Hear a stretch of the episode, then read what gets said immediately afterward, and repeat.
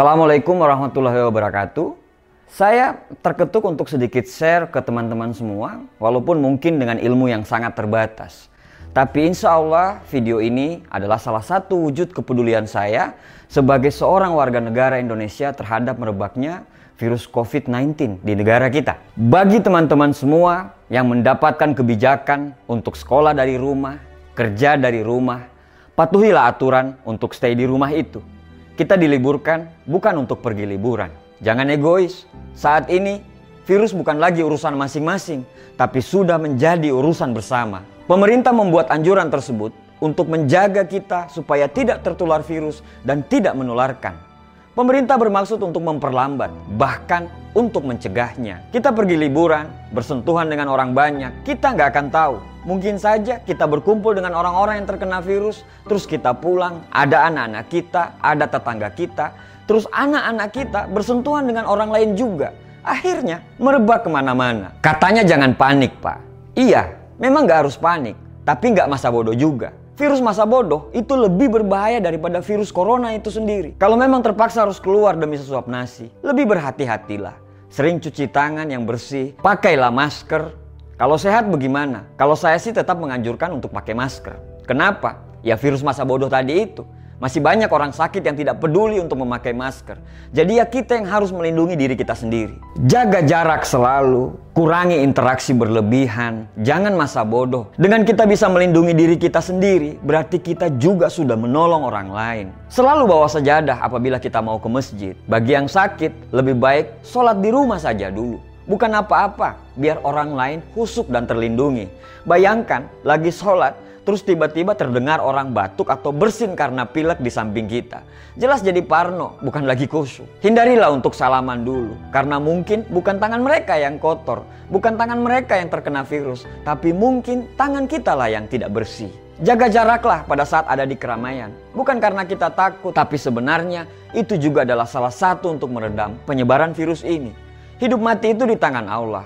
Tapi tetap harus ada ikhtiar. Untuk saat ini, tidak usahlah jadi pelawak dulu. Saat sakit, bilangnya pemerintah yang gak fasilitasi. Tapi disuruh di rumah aja, malah liburan ke mana-mana. Tahan jarimu untuk share hal-hal yang tidak bermanfaat dan dihubung-hubungkan dengan virus corona. Apalagi sampai dihubung-hubungkan dengan masalah politik. Gubernur ini yang benar, presiden ini yang salah, presiden itu yang benar, gubernur ini yang salah, ini yang salah, dan itu yang benar. Sudahlah, tahan jarimu kawan. Kita ini butuh bersatu dan percayakan semua kepada presiden, para jajaran menteri, para gubernur untuk mengatasi semua ini. Dukung mereka, bersatulah tanpa harus disentuh dengan kepentingan politik. Kasih masukan-masukan yang bermanfaat tanpa pakai nyinyir. Kasih solusi tanpa tendensi. Mereka sudah dan lagi bekerja sekarang. Tunjukkan baktimu. Dengan apa? Jaga dirimu, taati semua anjuran mereka. Jangan jadi orang yang berbakti dengan banyak protes dan nyinyir tanpa solusi. Bagi teman-teman yang menjual sanitizer dan masker dan apotik-apotik semua yang ada sangkut pautnya dengan virus ini.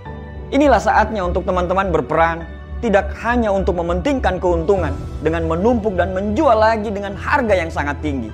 Jangan manfaatkan kesempatan dalam musibah. Beramallah Inilah saatnya. Juallah dengan harga yang wajar. Insya Allah rezekimu akan semakin banyak di kemudian hari. Berperanlah, virus corona ini adalah kesempatan bagi teman-teman semua untuk menumpuk pahala yang banyak. Insya Allah Tuhan akan semakin sayang dengan kalian dan akan menjaga Anda semua dari sakit. Dan insya Allah rezekimu akan semakin banyak. Uang tidak dibawa mati kawan. Buat apa mencari keuntungan di atas penderitaan orang lain? Kami tidak minta gratis kok, tapi juallah dengan harga yang sepantasnya. Dan untuk para pemimpin-pemimpin kami dan semua politisi yang ada di Indonesia ini, bersatulah. Ini masalah keselamatan Indonesia, bukan masalah politik. Tidak usah cari panggung di tengah kegelisahan. Tidak usah bertengkar di tengah wabah yang makin lama makin mengkhawatirkan ini. Dengan bapak-bapak bersatu, itu sangat menenangkan kami. Kita pernah lalui hal terberat dan kita menang. Kita pernah 350 tahun dijajah dan kita bisa berhasil untuk merdeka. Kenapa? Karena kita bersatu.